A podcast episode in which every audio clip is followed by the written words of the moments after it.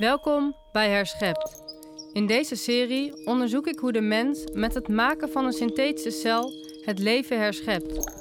Hiervoor neem ik een duik in het Nederlandse onderzoek Building a Synthetic Cell, wat in het kort ook wel BASIC wordt genoemd. Tien jaar lang bouwen onderzoekers van zes onderzoeksinstituten aan deze kunstmatige cel. Deze cel zou ons uiteindelijk het antwoord kunnen geven op de vraag hoe het leven werkt. Maar hoe denken de bezoekers van de Dutch Design Week over de ontwikkeling van de synthetische cel?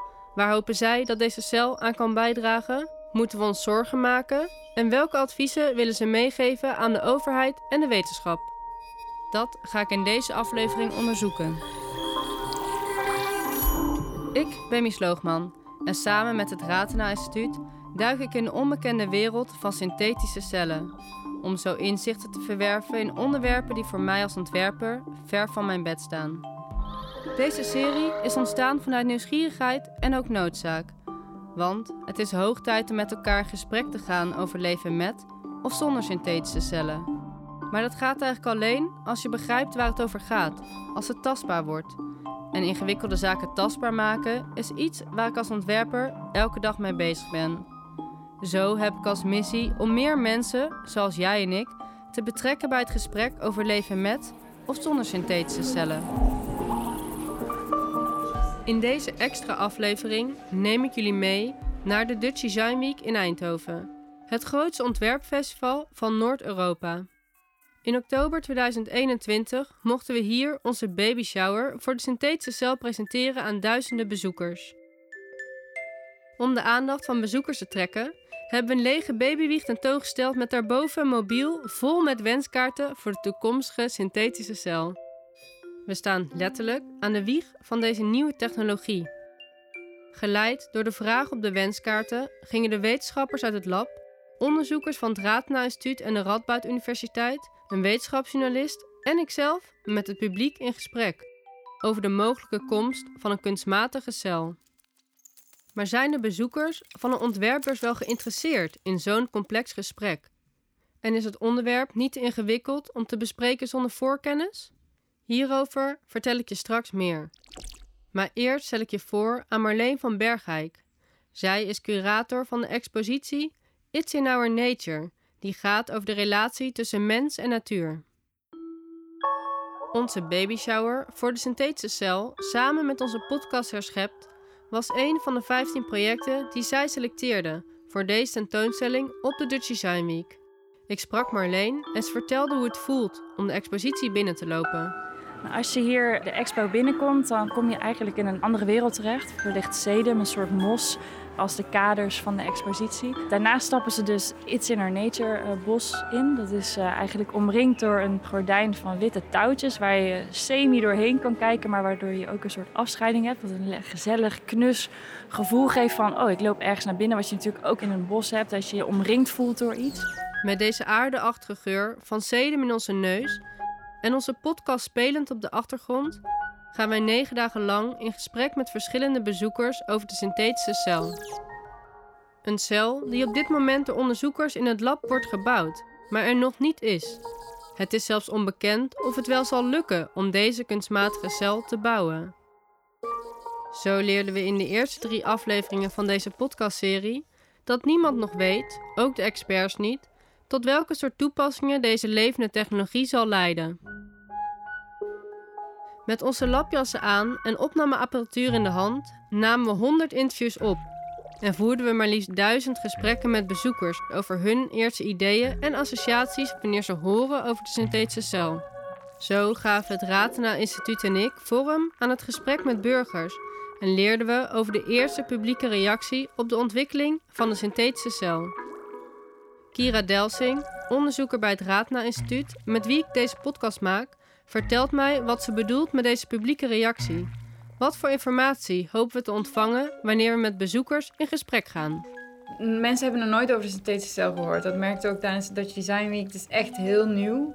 Uh, maar zo'n publieke reactie, dus dat kan een zorg zijn. Dat is meestal het eerste waar mensen over nadenken.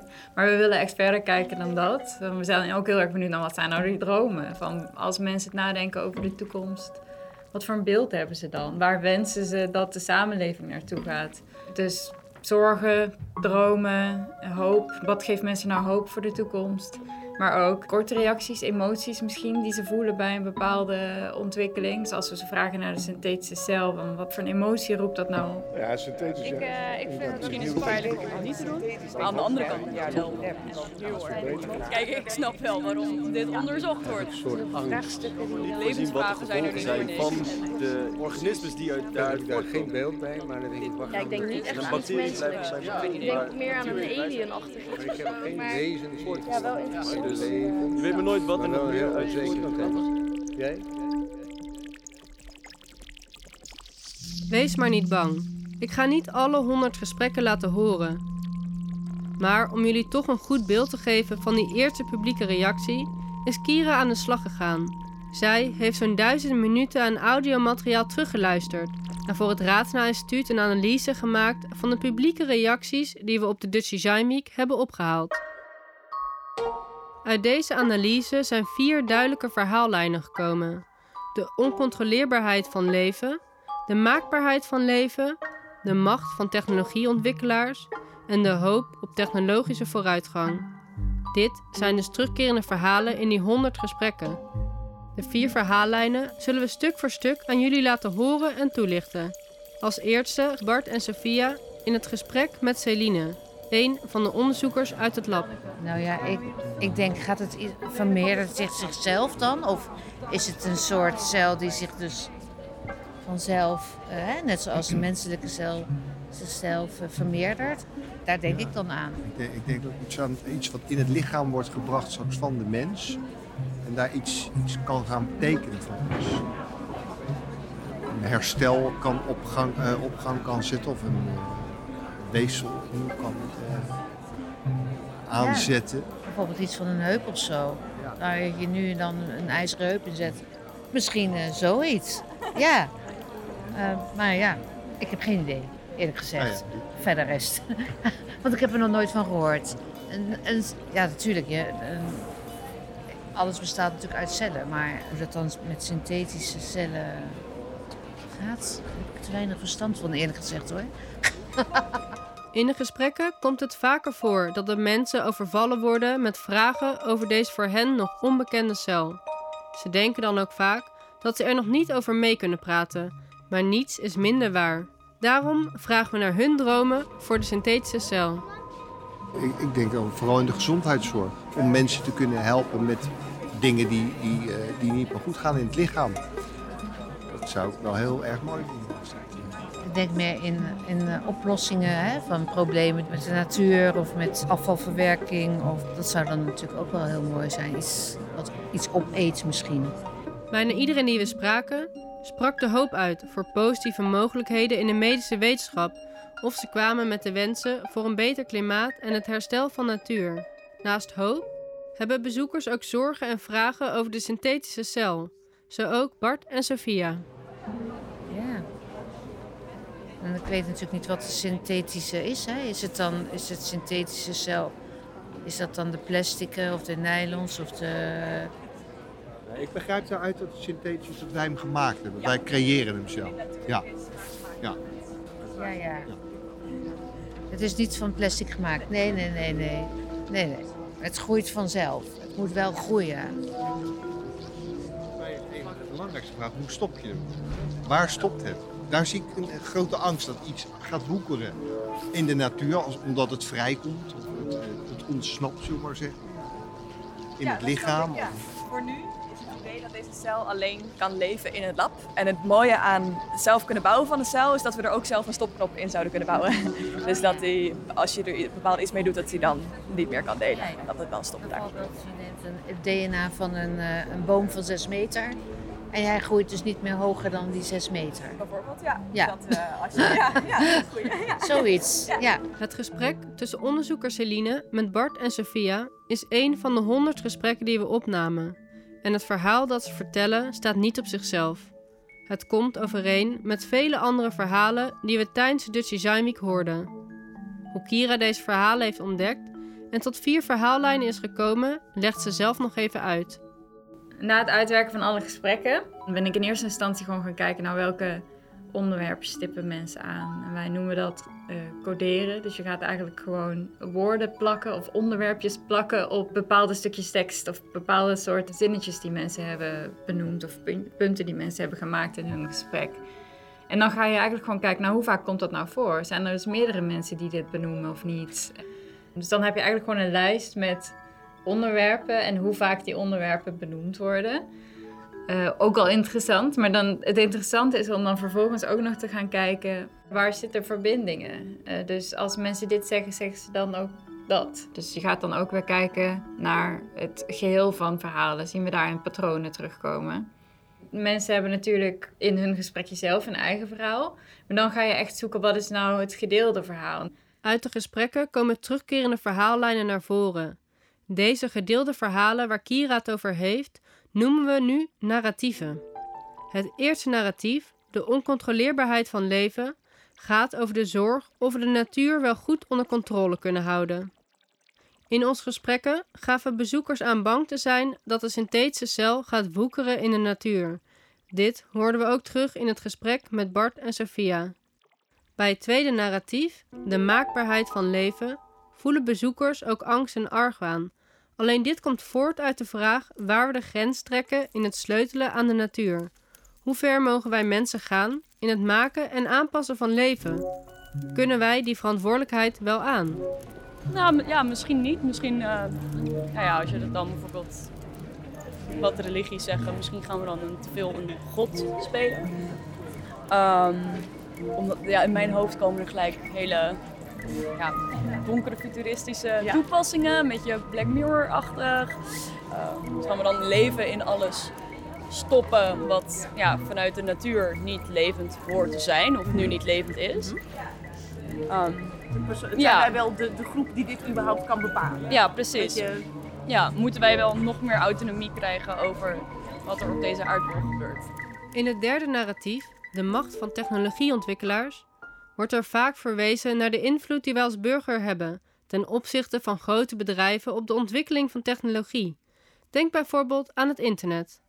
Bij de ontwikkeling van technologie spelen vaak grote belangen, waardoor we als samenleving de controle lijken te verliezen en niet meer overzien in welke richting de technologie doorontwikkeld wordt.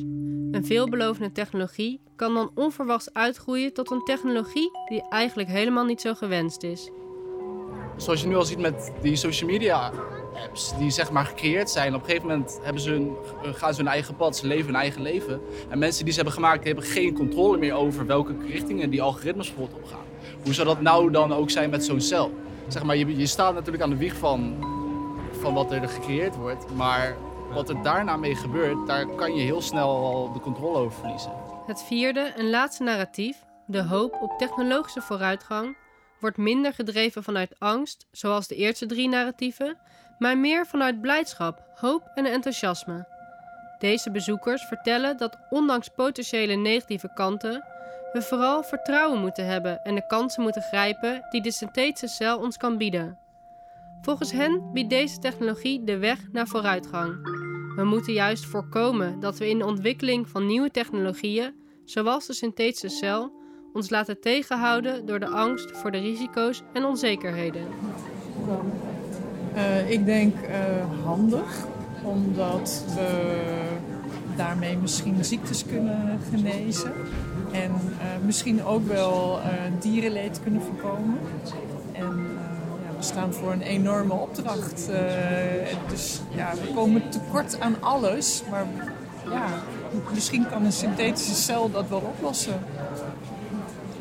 Want als je zeg maar, dit soort ontwikkelingen gaat tegenhouden omdat je ergens zorgen over maakt, dan denk ik Ja, van, ja, dan- dan, dan, dan- houdt het op. Je moet vertrouwen hebben. Over het algemeen zagen alle bezoekers die wij spraken voor- en nadelen in de ontwikkeling van de synthetische cel.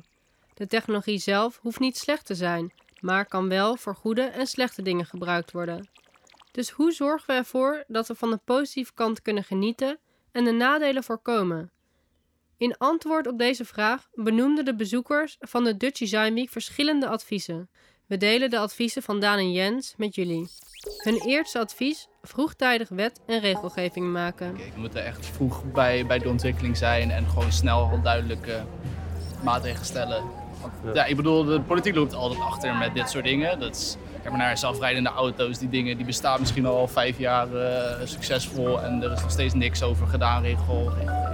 Ja. Maar eh, ook vooral met dit soort biologische dingen moet je echt heel erg oppassen. Dat je niet een, eh, een tweede coronavirus krijgt eh, Ja. uit zo'n eh, gecreëerde cel of iets anders. Dus, Daan en Jens noemden ook een tweede advies. Voorkomen dat er misbruik wordt gemaakt van deze technologie. Er kunnen echt hele goede dingen uitkomen natuurlijk. Dat zegt, wat je, want je kijkt natuurlijk al gelijk, je denkt al gelijk, oh er wordt leven gecreëerd, dit is eng, weet je wel, dit is niet zoals de natuur bedoeld heeft, dit moeten we niet gaan doen. Maar als je gaat kijken naar, ik veel, je kan nieuwe algen creëren die eh, nog efficiënter zijn in het omzetten van CO2 naar zuurstof. Of je kan eh, ja, super potentie- potentiële zaadjes ontwikkelen uit die, uit die cellen. Dat zijn natuurlijk echt super goede dingen. Maar ja, je moet het daar wel heen sturen. En je kan natuurlijk al heel snel nadenken van, nou, als een groot bedrijf zijn handen krijgt die technologie en die wil alleen maar ervoor zorgen dat ze de meeste winst eruit maken, hoe Ja. ga je dat dan tegen? Hun derde en laatste advies: het maatschappelijke gesprek over de synthetische cel faciliteren. Het enige wat ik denk is dat, dat eigenlijk gewoon de hele maatschappij zou erbij betrokken moeten zijn. Dus als iedereen daar in ieder geval over, gesprek, over in gesprek kan gaan, dan is iedereen ervan op de hoogte. Is iedereen ook ja, bewust over de potentiële voor- en nadelen. Omdat het natuurlijk allemaal nu nog niet duidelijk is wat het te bieden heeft. Ehm, maar ja, bij heel veel van dit soort onderwerpen is volgens mij gewoon gesprek en openbaarheid daarover is natuurlijk eh, prioriteit nummer één. Voordat het al te laat is of zo, weet je wel. En, De adviezen van Daan en Jens zijn vroegtijdig wetgeving maken, misbruik voorkomen en in gesprek gaan met de maatschappij over de synthetische cel. Deze drie adviezen komen vaak voor, maar zijn zeker niet de enige adviezen die bezoekers gaven. We zien dat bij de vier narratieven met verschillende emoties, verwachtingen en zorgen dezelfde adviezen worden gegeven met betrekking tot verantwoordelijkheden voor de overheid en de onderzoekers. Volgens de bezoekers is het de taak van de overheid om innovatie, zoals die van de synthetische cel, te stimuleren en mogelijk te maken. Maar de overheid moet ook vooruitlopen en anticiperen op alle onbedoelde gevolgen, door bijvoorbeeld met de samenleving in gesprek te gaan en tijdig nieuwe wet en regelgeving te maken. Van de onderzoekers wordt verwacht dat ze op een verantwoorde manier de synthetische cel ontwikkelen. Dit betekent onder andere dat ze een open houding aannemen, hun bevindingen actief delen met de samenleving, zorgvuldig zijn in het uitvoeren van het onderzoek en met een kritische blik naar hun eigen onderzoek kijken. En daarbij zoveel mogelijk verschillende expertises en personen uitnodigen om mee te denken. Hier hebben het Raadna Instituut en ik tijdens de Dutch Design Week natuurlijk al een mooie start meegemaakt. Maar hoe is het voor mensen om mee te praten en mee te denken over een geheel nieuwe technologie zoals de synthetische cel? Is het onderwerp niet te ingewikkeld om te bespreken zonder voorkennis? En zitten bezoekers wel op een gesprek te wachten? mensen willen hier naartoe komen om even helemaal ja, van hun, hun pot afgeblazen te worden. Dus ik denk dat dit soort momenten ook juist eh, die gesprekken provoceert. En, en daardoor dat er ook goed over na wordt gedacht. Ehm, maar aan de andere kant, dit is natuurlijk ook de eerste keer dat je erover hoort. Dus je weet ook niet goed wat je erover kan vertellen. heel of wat je mensen erover kan denken al gelijk denken dat ze te, te dom zijn hiervoor. Weet je wel. Van, ik, ben, ik kan dit niet begrijpen, want, want ja, ik eh, ben geen expert in eh, biomedische technologie of ik weet denk ik dat het. iedereen dat de eerste keer Ja. dat je zoiets hoort Ja, heeft. ja, ja. Iedereen is eigenlijk te dom om te begrijpen wat, wat er dan gaat gebeuren. Dom zijn de mensen die we spreken zeker niet. Dat hebben we in deze aflevering wel gehoord. Kira en ik zijn allebei onder de indruk van alle inzichten die we in negen dagen tijd hebben opgedaan. Kira vertelt hoe waardevol de gesprekken zijn die we hebben gevoerd tijdens de Dutch Design Week. Er wordt heel veel gezegd dat we steeds meer burgerparticipatieprojecten moeten doen. Dus dat burgers eh, actief betrokken worden bij een onderzoek. Dus niet alleen maar van wat is je mening, maar echt mee kunnen denken en mee vormgeven. Nou, in dit geval aan een synthetische cel. Maar mensen zijn er vaak heel terughoudend in. Dat ze denken, nou ja, maar om hier aan bij te kunnen dragen moet je toch een bepaald soort kennis hebben. We leven allemaal in echt een, een hoog technologische samenleving. We hebben superveel ervaringen waar we uit kunnen putten. Mensen hebben allemaal bijna een smartphone op dit moment. We worden omringd door allerlei verschillende soorten technologie. We hebben superveel kennis. En dat is echt wel voldoende om, en dat zagen we dus ook op de Dutch Design Week, om een mening te vormen. Of in ieder geval een eerste reactie. Eh, dus die eerste publieke reactie, daar hebben mensen genoeg ervaringen voor om echt een genuanceerd antwoord te geven. Je ziet echt wel heel veel overeenkomsten tussen de verhalen die dan experts benoemen en een visie van een burger. Dus ik denk dat dat heel vaak onderschat wordt. Ook door mensen zelf. Hè? Een soort disclaimer van ik ben hier geen expert over. Maar als je dan de antwoorden daarna hoort, dan denk je van ja, maar je bent wel degelijk expert. Je bent expert als burger, als onderdeel van deze samenleving. Als iemand die dagelijks gebruik maakt van technologie en daar ervaringen mee heeft en mening over heeft. Ja, dus super waardevol. Juist nu is er heel veel, zijn er heel veel kansen, zijn, is er heel veel mogelijkheden om hier echt samen aan vorm te geven. En ik denk dat dat alleen maar belangrijker maakt dat er nu al die interactie ontstaat tussen de samenleving en dat onderzoek. Om ervoor te zorgen dat dat ontwerpproces een gezamenlijk proces gaat worden. Met deze podcast hebben het Ratena Instituut en ik hierin een eerste stap gezet. De narratieven die we uit de gesprekken van de Dutch Design Week hebben gehaald, zouden wij graag samen met jullie verder ontwikkelen en vormgeven. Want we hebben natuurlijk nog lang niet iedereen gesproken. En we verwachten dat we mogelijk nieuwe narratieven ontdekken in gesprek met meer mensen op verschillende plekken. Wat vind jij van de ideeën die je in deze aflevering hoorde? Hoe denk je hierover? Kun je je vinden in al deze verhalen? Wat mogen we zeker niet vergeten? En heb jij nog een wens voor de synthetische cel? Of wil je iets anders met ons delen? Laat het ons weten via herschept.synthetischecel.nl. Wil je meer weten over de resultaten van de analyse? Houd dan de website van het Raadna Instituut in de gaten. Dit was Herschept. Interviews Celine Klei, Esther Tolen, Bettina Graube, Rini van Est en ikzelf. Techniek Ivan van Wijk. Muziek Luc-Andrea Baraldi. Eindredactie Mies Loogman en het Raadna Instituut. Advies Hanna van Lutterveld. Met veel dank aan Rini van Est en Kira Delsing van het Raadna Instituut voor het mogelijk maken van dit momentum om met het publiek in gesprek te gaan. Dank ook aan Ludo Schoenmakers, Celine Klei, Catalina Bakazar, Rosanne Edelenbos, Guido van Rooyen, Kira Delsing, Rini van Est, Bettina Kraube, Esther Tolen, Lieke van der Pol en Jil van der Kamp voor het voeren van deze gesprekken op de Dutch Design Week. En natuurlijk ook Marleen van Bergijk voor de uitnodiging om deel te nemen aan de expositie It's in Our Nature. Heb je jezelf teruggehoord onder een andere naam? Dat klopt. Voor deze aflevering zijn de namen van bezoekers gefingeerd. Om alle afleveringen te beluisteren, ga naar onze website synthetischecel.nl slash herschept of abonneer je op onze podcast. Dankjewel voor het luisteren.